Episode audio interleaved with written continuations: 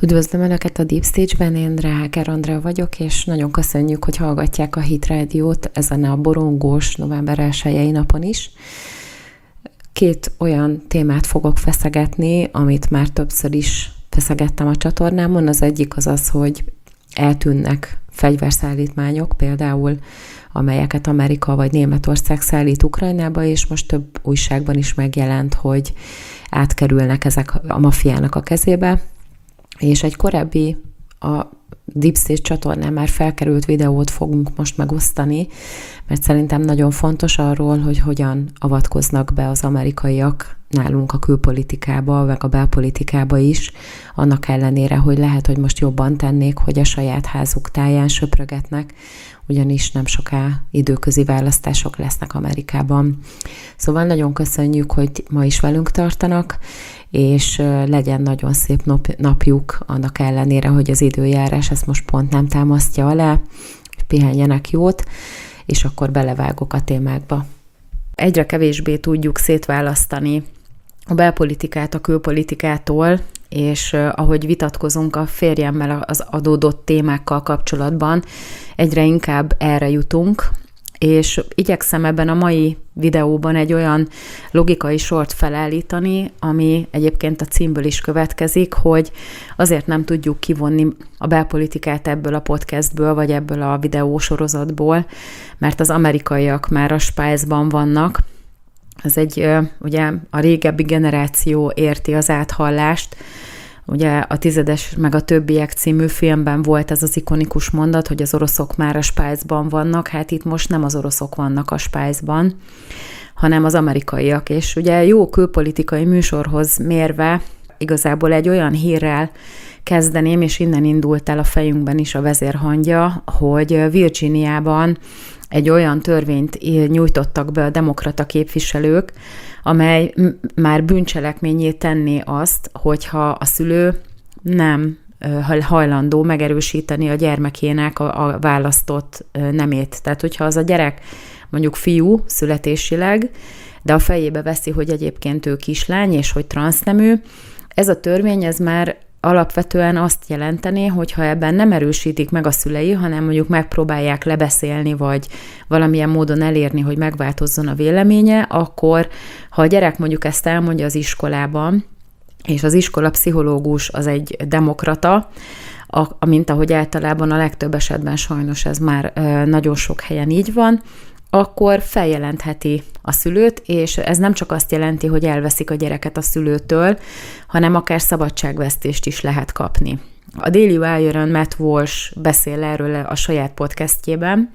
és ugye böngészük őket, viszont mivel nagyon-nagyon Amerikára koncentrálnak, ezért kevés hírt tudunk átvenni, mert ezek ak- akut amerikai problémák. Viszont az a helyzet, hogy jelen pillanatban, legalábbis a múlt hét eseményei alapján egyértelműen úgy tűnik, hogy egész pályás letámadás zajlik Magyarországgal szemben, és itt szeretném ajánlani az ultrahangon a Király Tamással együtt felvett videónkat, amiben erről, erről is beszélgetünk többek között, és hát időközben ugye hála Istennek csak a Twitterre került ki egy olyan elkészített videó, ami az amerikai nagykövetség, illetve a, a nagykövet posztolt ki, és arról szól, ez egy ilyen nagyon érdekes magyar és angol nyelvű videós ilyen infografika, vagy hát nem grafika, hanem ez egy videó, de igazából nincsenek benne emberek, hanem csak egy ilyen monológ a háttérben, nagy feliratokkal, ami azt súlykolja, hogy a magyar kormány az azóta, hogy, hogy hivatalba lépett, lényegében Amerika ellenes kijelentéseket tesz, és az egyenértékű természetesen azzal, hogy emiatt orosz barát. Na most megérkezett rögtön másnap a válasz, és reagáltak erre a kormányzati köröknek a, a marketingesei, és kicsit azért oda pörköltek, vagy hát megcsípkedték az amerikaiakat, felhívva egy-két ellentmondásra a polgároknak a figyelmét, de az az igazság, hogy innentől kezdve most már belülről zajlik a propaganda. A másik az, hogy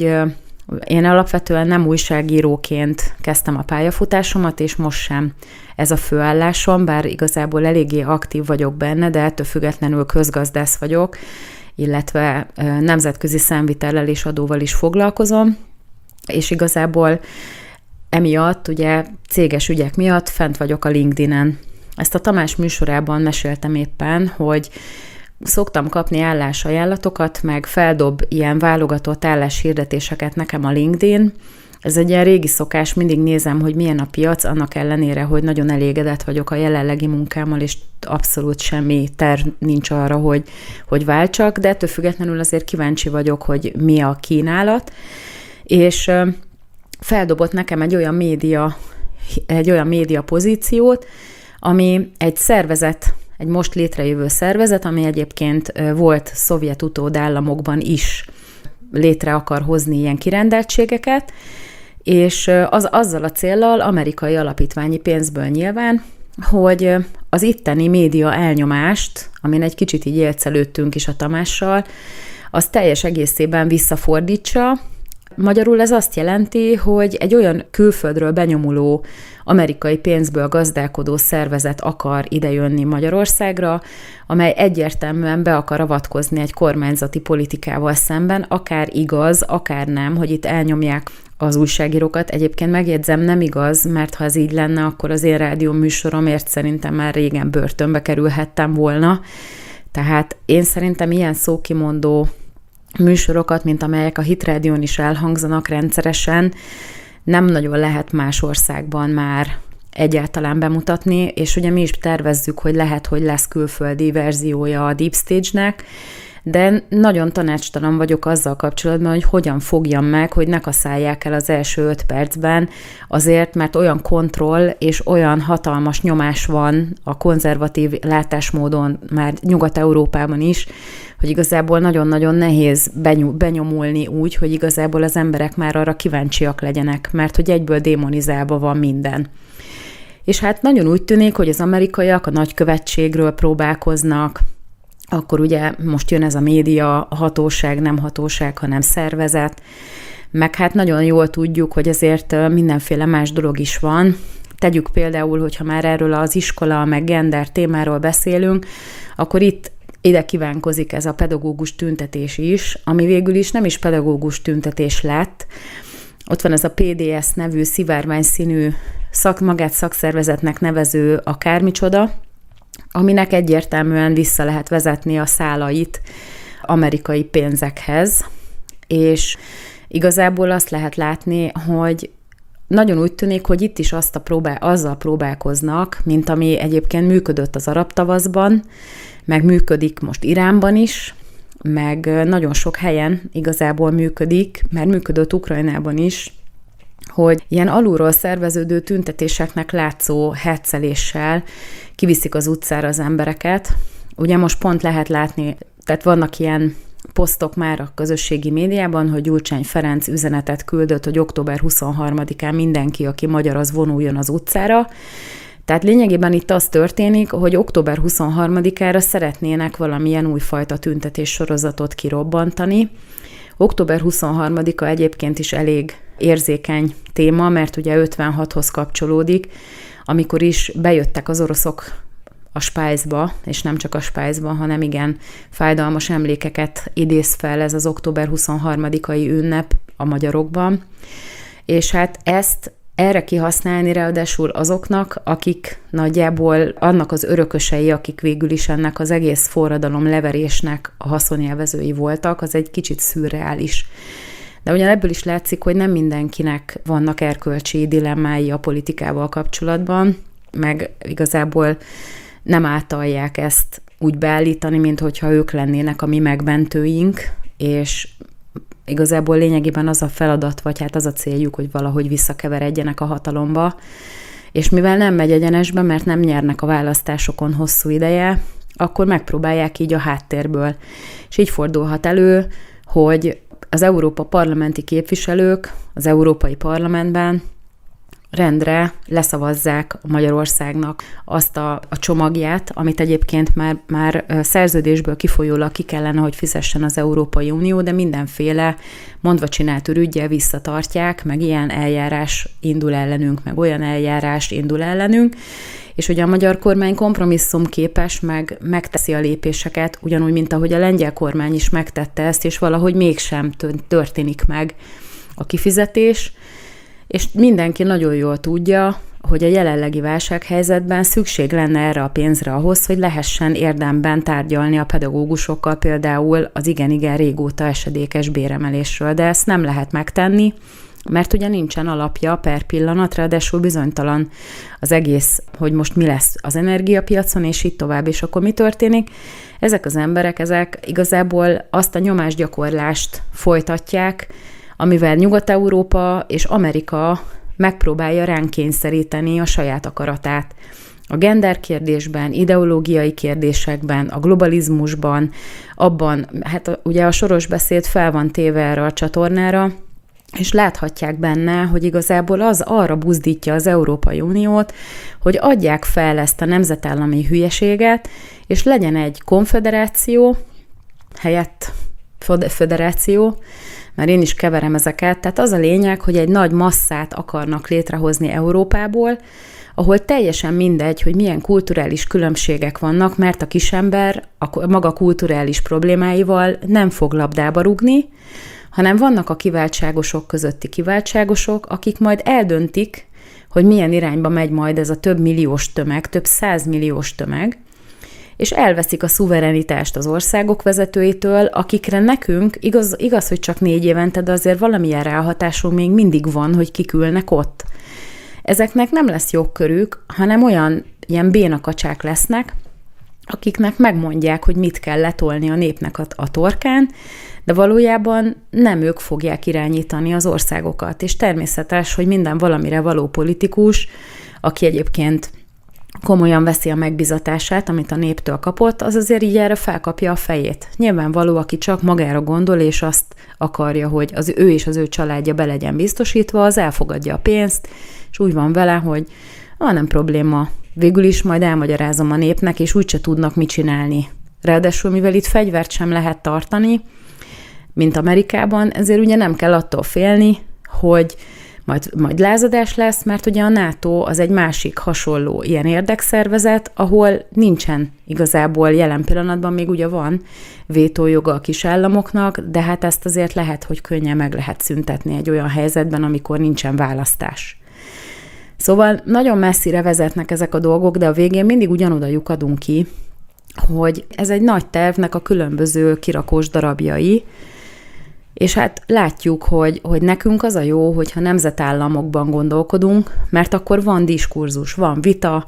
lehet egymással akár érdekszövetségeket kötni egy harmadik állammal szemben. Most látjuk például energiakérdésben, hogy a franciák és a németek között igencsak feszült viszony van, mert a, németeknek az őrült energiapolitikája, meg ez a szankciós politika, ez olyan szinten kihatással van mindenkire, hogy lehet, hogy egy-egy kormányfőnek a fejébe kerülhet ez. És ugye most Macronnak elég rendesen megváltozott a viselkedése, ezt is el lehet olvasni, például a Die Weltben van egy világos, egy nagyon-nagyon jó cikk arról, hogy hogyan vált ez a egyébként együttműködés az Európai Unióban egy ilyen nagyon feszült viszonyá arra, és ennek is az egyik központi eleme az energiapolitika. És hát kinek jó ez megint csak? Amerika szeretne eladni nekünk. Például a kormány válaszában az amerikai nagykövet videójára benne volt ez, hogy, hogy igazából azért kell nekünk negyed annyit fürödni, meg 20 fokra, meg 18 fokra állítani a termosztátot, mert akkor lehet, hogy le tudjuk a 150 milliárd köbméter gázt csökkenteni 50 milliárd köbméterre, hogy annyit fogyasszunk csak, és akkor ugyanazért a pénzért, amit fizetünk most a 150 milliárd köbméter gázért Oroszországnak, azt vagy kifizetjük Amerikának. Mert ugye megint mire megy ki az egész Amerika, magára gondol egyedül. És pontosan itt van a probléma, Erről írtam áprilisban egy nagyon jó cikket, a, már hogyha magamra azt tudom mondani, hogy nagyon jó cikket írtam, de szerintem ez egy érdekes téma a német-amerikai kapcsolatokról. És ha valaki ezt így egymás mellé teszi szépen a történelmi eseményeket, egyértelműen látja, hogy a németek nem profitáltak abból a Marshall tervet követően, hogy Amerika rájuk telepedett. És most erről is beszéltünk a Tamással, hogy van egy olyan nemzetközi konfliktus, ahol több gócpont is felébredt, mert ugye mozgolódnak a törökök, mozgolódnak Iránban, most már Szaudarábia is nyíltan Amerika ellen tud fordulni, meg, meg az oroszok is megindultak, és így tovább, mert hogy Amerika nem tud már igazából labdába rúgni nemzetközi szinten, vagy legalábbis már most eléggé gyengül a pozíciója. Nyilván még mindig van benne azért elég nyomaték, de ettől függetlenül most már e- szembe mernek vele fordulni. Viszont a németek nem merik ezt megcsinálni, még a továbbra sem. És az Európai Unió végignézi, ahogyan a feje fölött megbeszélik Amerika és Oroszország például, vagy Amerika és Kína, hogy akkor mi hogy legyen. Holott Amerikának semmi köze nincsen Európához. Amerikának nem, tehát teljesen le kellene, hogy váljunk erről az egész témáról, de nem tudunk leválni, mert mindenhol ott vannak. Ahogy mondtam, meg ahogy a címben is benne van, már a spájzban vannak. Tehát ez egy, ez egy nagyon érdekes dolog, és sajnos azt kell, hogy mondjam, hogy lehet, hogy egy öt évvel ezelőtt még összeesküvés elméletként kezeltük volna ezeket a dolgokat, de most már egyre nyíltabban kiállnak a felszínre ezek az emberek, és meghallgatja az ember sorost, és igazából azok, akik ezeket a beszédeket nem tartják jó ötletnek, el kell, hogy mondjam, hogy meg kell látnunk, hogy milyen félrevezetés zajlik, akár ellenünk, akár Oroszország ellen, vagy Európa ellen, a németek ellen, mert ugye nem kivétel ez alól senki. Amerikában van egy narratíva. Németországban van egy narratíva. Az ukránok egyféle, megint másféleképpen kommunikálnak, a G7-ben van egy narratíva, és azt kell, hogy lássuk, a teljes képet meg kell, hogy ismerjük, ahhoz, hogy egyáltalán értsük, hogy bizonyos érdekkörök miért úgy reagálnak ránk, ahogy reagálnak. És ne ringassuk magunkat abban az illúzióban, hogy mindenki konzervatív, csak azért, mert benne vagyunk egy olyan környezetben, ahol van egy kormány minden hibájával együtt, de azért még mindig törekszik rá, hogy velünk is valamilyen szinten azért még, hogy nekünk is jó legyen. Ettől függetlenül az a helyzet, hogy ez már más országokban nincs így. És ahhoz szerintem nagyon fontos látni minden oldalnak a, a dolgait, tehát nem lehet ráadásul a Lavrov beszéd az teljesen le van tekerve. Tehát nem akarják a YouTube-nak a, a, az algoritmusát, akik kezelik, hogy bárki is meghallgassa Lavrovot. Magyarul nem tesz jót, mert ez egyébként alapvetően nem olyan egyszerű egy ilyet megcsinálni. Meg hát nem azért van, hogy akik tudnak angolul, azok az én tolmácsolásomba hallgassák ezeket a beszédeket, hanem azért van, hogy akik nem tudnak angolul, azok hallgassák meg. Aki tud angolul, az meg tudja nézni az eredeti felvételt is. És azért jó látni, hogy van egy, egy Joe Biden, aki most az amerikaiakat vezeti, és látszik, hogy, hogy halvány lila derengő fogalma nincsen róla, hogy egyébként az országában mi folyik. De közben valakik irányítják ezt az országot. És ezek a valakik kitűzték az ászlajukra, hogy majd ők, ahogy a kiindulási hírhez, ha visszatérünk, látjuk, majd ők megtanítják a gyereknek, hogy hogy ők meg kell erősíteni abban a mentális állapotban, amibe esetleg belekeveredik, annak ellenére, hogy nyilvánvalóan képtelen ekkora felelősséget, ekkora felelősséget döntést hozni a saját életéről, de azok, akik például büntetőjogi felelősséggel tartoznak a gyerek után, a gyerek miatt, hogyha mondjuk az a gyerek az utcán megver valakit, vagy ellop valamit akárhonnan, vagy betör egy üveget, azoknak nem engedik meg,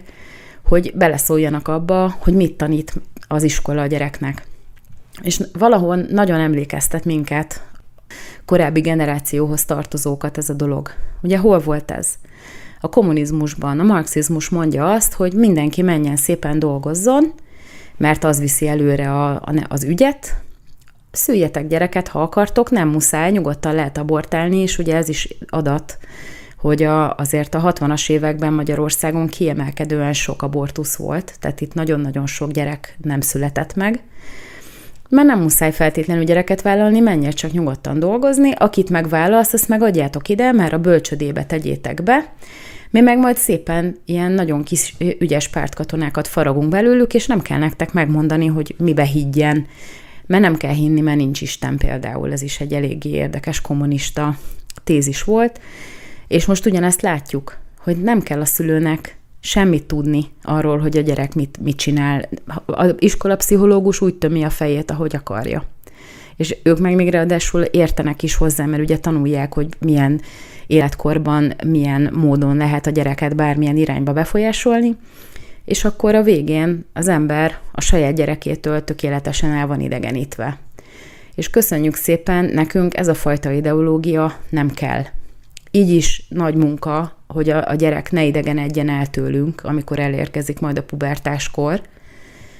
Nem kell, hogy kívülről még valaki más is ebbe úgy beleszóljon, hogy aztán végleg elveszítsük azt a gyereket, ráadásul úgy, hogy tönkreteszik az életét, mert erről beszéltem már egy korábbi műsorban, hogy azért ezek nem babra mennek, ezek a gender témák. Hát kicsit most ez is rendhagyó műsor volt, mert sokkal több volt benne az ideológia, de szerintem nagyon fontos, hogy értsünk, értsük ezeket az ügyeket. Továbbra is nagyon szívesen fogadom a kommenteket, és igyekszem majd újítani, tervezünk másfajta jellegű beszélgetős műsort is.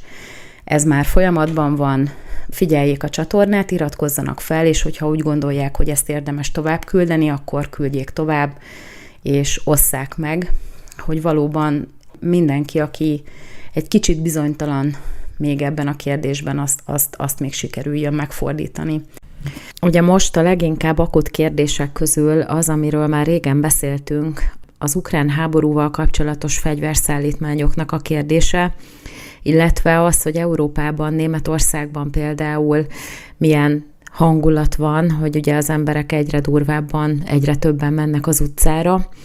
és egy kicsit lehet, hogy össze fogom hozni ezt a két kérdést, mert eléggé összefügg, hogyha megvizsgáljuk, hogy mi is lehet a háttérben. És ugye most lehet olvasni, rengeteg hír van, például megszellőztette a Magyar Nemzet is, meg azt hiszem a Telexen is megjelent, egy hír, hogy a finnek már azt mondják, a finn hírszerzési szolgálat azt mondja, hogy egy ilyen Bandidos MC nevű maffia szervezet, az már olyan fegyvereket birtokol, amelyek egyébként Ukrajnába voltak számva, és hogy ez nem csak Finnországban történik így, hanem Dániában, Svédországban, Hollandiában is feltűnnek olyan fegyverek, amelyeket Ukrajnába szállítanak. És akkor megjelenik például Klicskó, aki ugye Kiev polgármestere, és arra szólít fel minket a közösségi médiában, hogy legyünk szívesek takarókat, meg mindenféle ilyen meleg holmit küldeni, mert hogy szét fognak fagyni télen. És ugye hát ez egy jogos dolog, viszont nagy kérdés, hogy akkor vajon tényleg mi is van ott Ukrajnában, mert hallunk mindenfélét, mostanában rengeteget beszéltek a szakértők arról, hogy fel van fegyverezve az ukrán hadsereg, hogy egyre jobb fegyvereket használnak, egyre több olyan korszerű fegyver érkezik, amivel az orosz technika már nem ér fel, és hogy emiatt esélyük van az ukránoknak a győzelemre, de közben meg az ember olvas olyan beszámolókat is, hogy például az a külföldi légiónak a vagy a nemzetközi légiónak a katonái, akik eljutnak újságírókig, azok elmondják, hogy mekkora fejetlenség van. Ugye többször előfordult, hogy civileket küldtek be a harctérre, tehát egyszerűen besorozzák az embereket, és mindenféle kiképzés nélkül, vagy minimális kiképzéssel beküldik őket a frontvonalba, és akkor tömegével halnak meg. Nagyon ellentmondásosak a hírek, viszont azt lehet látni, hogy a fegyverhelyzet az azért korán sem annyira rózsás, mint ahogy azt egyébként el lehet képzelni, vagy ahogy azt gondolják az európaiak. Ugye itt mindenki azt hiszi, hogy vannak ezek a nagy fegyvergyártók, és akkor ellátják fegyverekkel továbbra is az európai hadseregeket, tehát lehet közbeszerzéssel mindenféle fegyvert vásárolni, olyan mennyiségben, amennyi pénzt fel tud hajtani egy nemzetgazdaság, és ugye el lehet mondani azt is, legalábbis ezt gondolják sokan, hogy ezek a gyártók, ezek folyamatosan egyébként tömeggyártással pótolják ezeket a kieső fegyvereket. Viszont van a portfolio.hu-n egy hihetetlenül jó cikk arról, hogy ez azért egyáltalán nem így van. Érdemes azért is rá kattintani, mert hihetetlenül jól leírja, hogyha jobban megvizsgáljuk, hogy milyen minőségű és mennyiségű fegyverrel rendelkezett eddig például az amerikai hadsereg, és hogy mennyit gyárt egy Javelin páncéltörő rakétából például az a cég, amelyik ezt szállítja, és hogy ebbe, ebből mennyit adtak oda Kievnek a háború kezdete óta, akkor lehet látni, hogy ezt is, mint ahogy a kőolaj tartalékot is a nemzeti tartalékot csapolták meg azért, hogy odaadhassák az ukránoknak, és nagyon úgy tűnik, hogy hét napot sem bírnának ki egy hasonló konfliktus helyzetben sem az európai hadseregek, sem pedig az amerikai hadsereg, és hiába rendelte meg most a Fehérház például 625 millió dollárért a váról indítható Stinger légvédelmi rakétákat, nem lehet annyit gyártani, mert ugye nagyon régóta nem rendelt ebből senki, és mivel nem gyártják, ezért a beszállítói hálózatot újjá kell építeni, fel kell ébreszteni, és az azért időbe telik. Tehát mindent lehet, csak nem azonnal. Viszont most nagyon úgy tűnik, hogy nagyon minden azonnal kell. Ugye a Russia Today elővett egy régi, egy júniusi anyagot, ami arról szól, hogy mikor Biden bejelentette telefonon júniusban Zelenszkinek, hogy egy milliárd dolláros segélyt fognak kapni mindenféle haditechnikára, vagy haditechnikai segélyt, akkor Zelenszky a helyet, hogy köszönetet mondott volna, elkezdte azt sorolni, hogy mire van még szükség, és állítólag Biden elvesztette a türelmét, és felcsattant, és már most arról beszél az a Russia Today, hogy jobb a kapcsolat, Igazából nem is nagyon értettem, hogy miért veszik elő most ezt a régi felvételt, de ahogy az ember pásztázza az újságokat, és figyeli, hogy miről van szó, akkor egy kicsit érdekes az is, hogy most az időközi választások miatt, amiről pont szombaton beszélgettünk a férjemmel a csatornán, emiatt nagyon sok az elégedetlenség, és most olyan, mintha ha mindenki egy kicsit jobban a választókra figyelne, mert hogy nagyon úgy tűnik, hogy ha a republikánusok győznek, akkor itt borzasztó nehéz helyzet fog kialakulni a fegyverellátásban. Azt ugyanis nem lehet garantálni, hogy egy republikánus többségű kongresszus, vagy egy republikánus tör, többségű szenátus, vagy akár mind a kettő az ilyen hatalmas lendülettel támogatja majd azt, hogy Biden mindenféléket küldjön Ukrajnába, és a Russia Today értesülései szerint Biden pontosan ezért a januári új törvénykezési szezon indulása előtt még egy 50 milliárd dolláros segét szeretne megoldani valahogy, tehát még szeretné, hogyha az átmenne a törvényhozó testületeken. Közben pedig tombol az infláció, tombol Amerikában is az infláció, minden egyre drágább. Erről is pont beszélgettünk, hogy már a kemény vonalasok is arról beszélnek, hogy meg kellene egyébként gondolni a tűzszünetet, tehát nem ártana, hogyha egy kicsit legalább beszélnénk róla, hogy arra is nyitottak vagyunk. Közben pedig lehet látni, hogy az eszkaláció felé tolják egyre jobban ezt az egész konfliktust, és arról beszél mindenki, Olaf Scholz például, ami megtalálható a csatornámon, ugye egy beszédet, amit a Bundestag előtt elmondott, azt lefordítottam, és abban azt mondja, hogy igazából a békét azt Putyin gátolja, de ez nem így van, és Szergej Lavrov is nyilatkozott, és Dimitri Peskov is ezzel kapcsolatosan, hogy nagyon veszélyes az, amit Amerika csinál, és az oroszok nyitottak a békére, nem minden áron. De hogyha megnézzük, akkor itt tűzszünetet kellene valahogyan kicsiholni, hogy mielőtt eljön a tél, azelőtt megálljanak a harcok, és valamit kicsit fel tudjon lélegezni mind a két fél, és aztán lehessen tovább haladni majd a békés megoldás felé, mert ugye mindenkinek az lenne a jó, hogyha nem pusztulnának tovább ezek a népek. És akkor közben ugye ennek a hatásai, meg a szankciós csomagoknak a hatásai, azok folyamatosan egyre erősebben gyűrűznek be mindenhová, és lehet látni már, ugye most is nyilván a Resetudéjen olvasgattam, mert az a helyzet, hogy, hogy egyre kevésbé van kedvem a propagandát olvasni, például a német sajtóban, és azt írja a Russia Today, hogy az eurozónában az infláció ugyancsak rekordméretű lett, tehát most már több mint 20 százalék bizonyos országokban,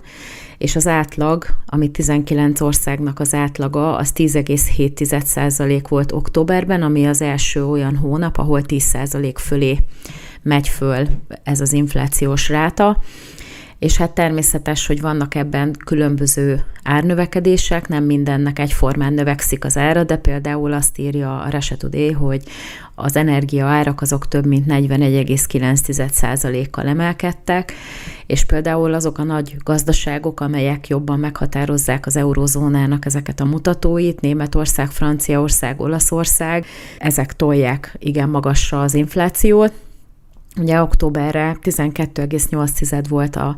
az előrejelzés, tehát ezt várták, például Olaszországban, és ez legalább 4%-os növekedést jelent az előző hónaphoz képest, tehát azt is lehet látni, hogy ez kezd egy olyan mértéket ölteni, ami elég félelmetes, az az igazság, és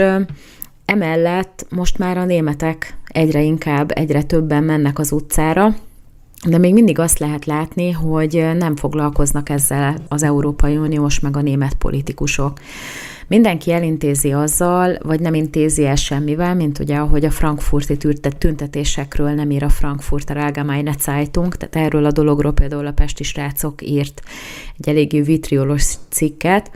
hogy nem számol be a Frankfurter Allgemeine Zeitung arról sem, hogy minden hétfőn hatalmas tömeg tüntet a szankciók és az ukrán háború ellen, már úgy értve, hogy a németországi részvétel és a német kötelezettségvállalások ellen, és ugye azok, akik nyilatkoznak ilyen kisebb tévének,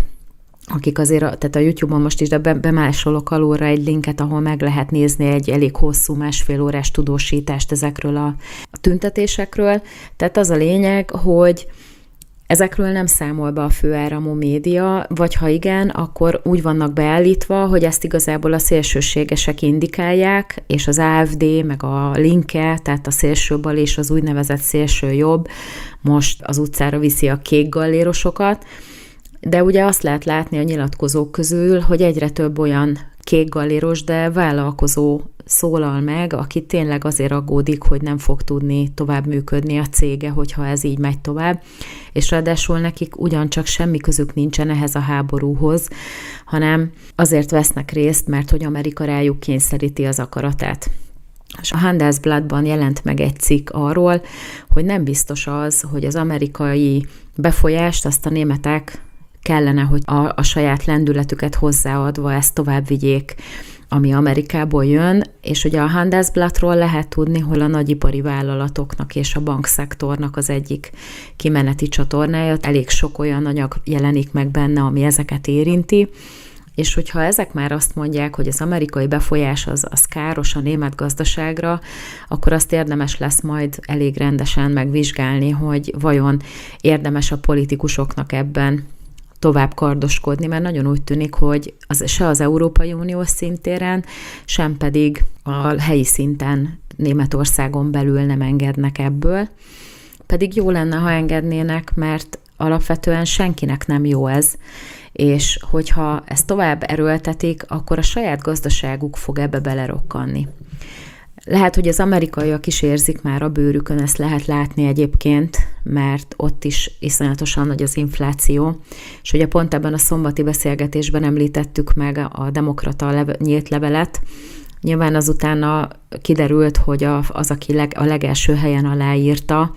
az aztán rögtön bejelentette, hogy lehet, hogy hiba volt elküldeni, tehát azért bizonytalanok ők is, hogy most ez jó lépés volt-e vagy nem, de alapvetően mindenhol lehet érezni, hogy óriási bizonytalanság van ezzel az ukrán háborúval kapcsolatosan. És hát az oroszok oldalán is mindenki azt állítja, hogy az oroszok 1956-os technikával jönnek a frontra, de közben meg azt lehet látni, hogy az ukrán hadsereg sem a digitalizáció felé megy el, ez is inkább, tehát olvassák el a portfólió cikket, mert zseniálisan foglalja össze azt, hogy mik is itt a nagyobb problémák ebben a fegyverkérdésben. Szóval érdemes böngészni a magyar sajtót is úgy tűnik, hogy egyre több olyan cikk jelenik meg, ami már nem az egyik vagy a másik oldalnak a propagandája, hanem igenis gondolkodó emberek összerakják, hogy valami nem klappol ezekkel az ügyekkel.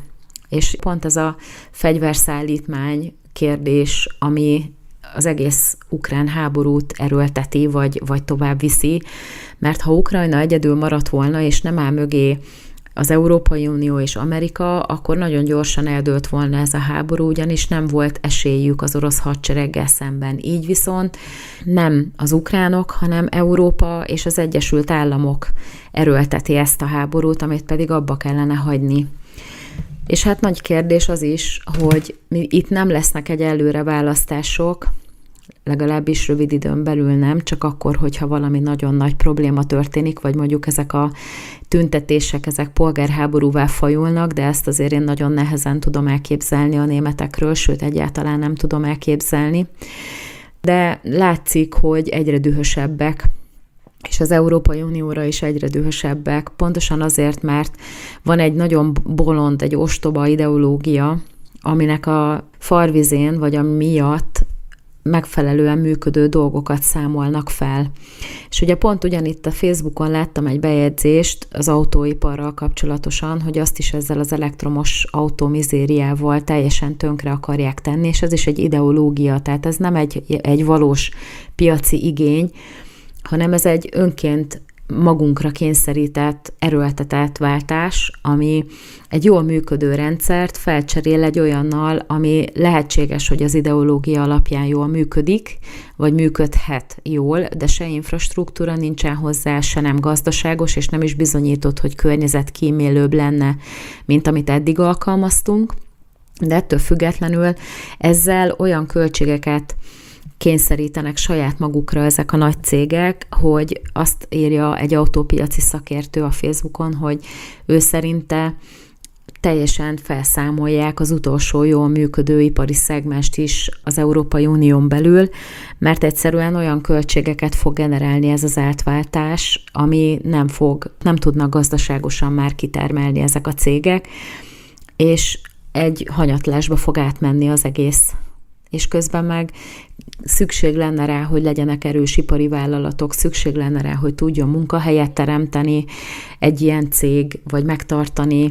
szükség lenne rá, hogy ugye fizessék az adót, tehát hihetetlenül nagy probléma van ebből, és közben meg az, azt látjuk, ahogy ezek egyre egyik a másik után szépen lassan tönkre mennek, vagy leállnak, vagy visszaesnek, az Európai Unió meg egyre jobban nyomul be mindenféle módon, és ez megint elég félelmetes, mert még aki esetleg itt, itt nálunk megpróbál a józanész alapján tovább működni, azt is ők rá, ráerőltetik, hogy mégiscsak változtasson azzal az ideológiával karöltve, amit ők mondanak.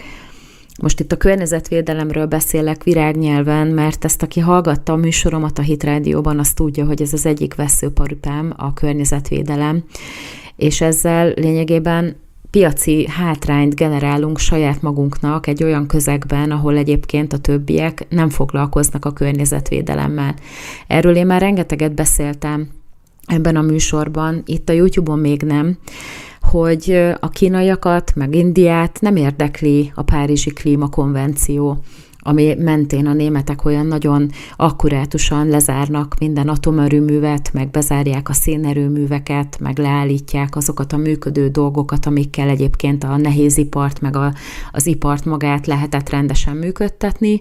és mindezt azért, mert azt hiszik, hogy ennek az lesz az eredménye, hogy majd valamilyen módon javul a környezetvédelmi helyzet. Lehet, hogy készítek majd egy felvételt erről is, a, az, a környezetvédelemről, mert ez kifejezetten az egyik veszőparipám tényleg, és nagyon markáns véleményem van róla, mert szerintem ez egy hiba. És ez nem azt jelenti, hogy én egyébként nem vagyok környezetpárti, mert nagyon is az vagyok. Mi is az értelmes dolgokat, azokat megcsináljuk. De az, hogy teljesen ellehetetlenítsük saját magunkat, ezért azt nem tartom jó ötletnek. És akkor, hogyha visszatérünk az inflációra, Megvan az Európai Központi Banknak is erről a véleménye. Christine Lagarde lenyilatkozza azt, hogy, ők, hogy ő szerintük ez egy ilyen egész világra kiterjedő hatalmas jelenség, ami egyszerűen hirtelen előkerült a semmiből. És akkor azt mondják, hogy a COVID volt az egyik oka legfőképpen, meg hát az ukrán háború, de hogy egyáltalán arról beszélnének, hogy maga, maga a szankciós rendszer lehet az inflációnak az oka, azt az Európai Központi Bank sem vállalja be, és ez egy hatalmas probléma, mert egyébként ezt be kellene őszintén vallani, hogy mi vagyunk azok, akik ezt generáljuk, viszont ha ez megtörténik, akkor kiderül, hogy azoknak az embereknek ott a prágai, meg brémai, meg lipcsei utcákon, meg a Stuttgarti vagy frankfurti utcákon igenis igaza van. Nagyon köszönöm, hogy végighallgatták ezt a mai felvételt is, és pihenjék ki magukat a hosszú hétvégén. Addig is minden jót kívánok Önöknek, és tényleg jó pihenést még azokra a napokra, amik hátra vannak ebből a hosszú hétvégiből a viszonthallásra.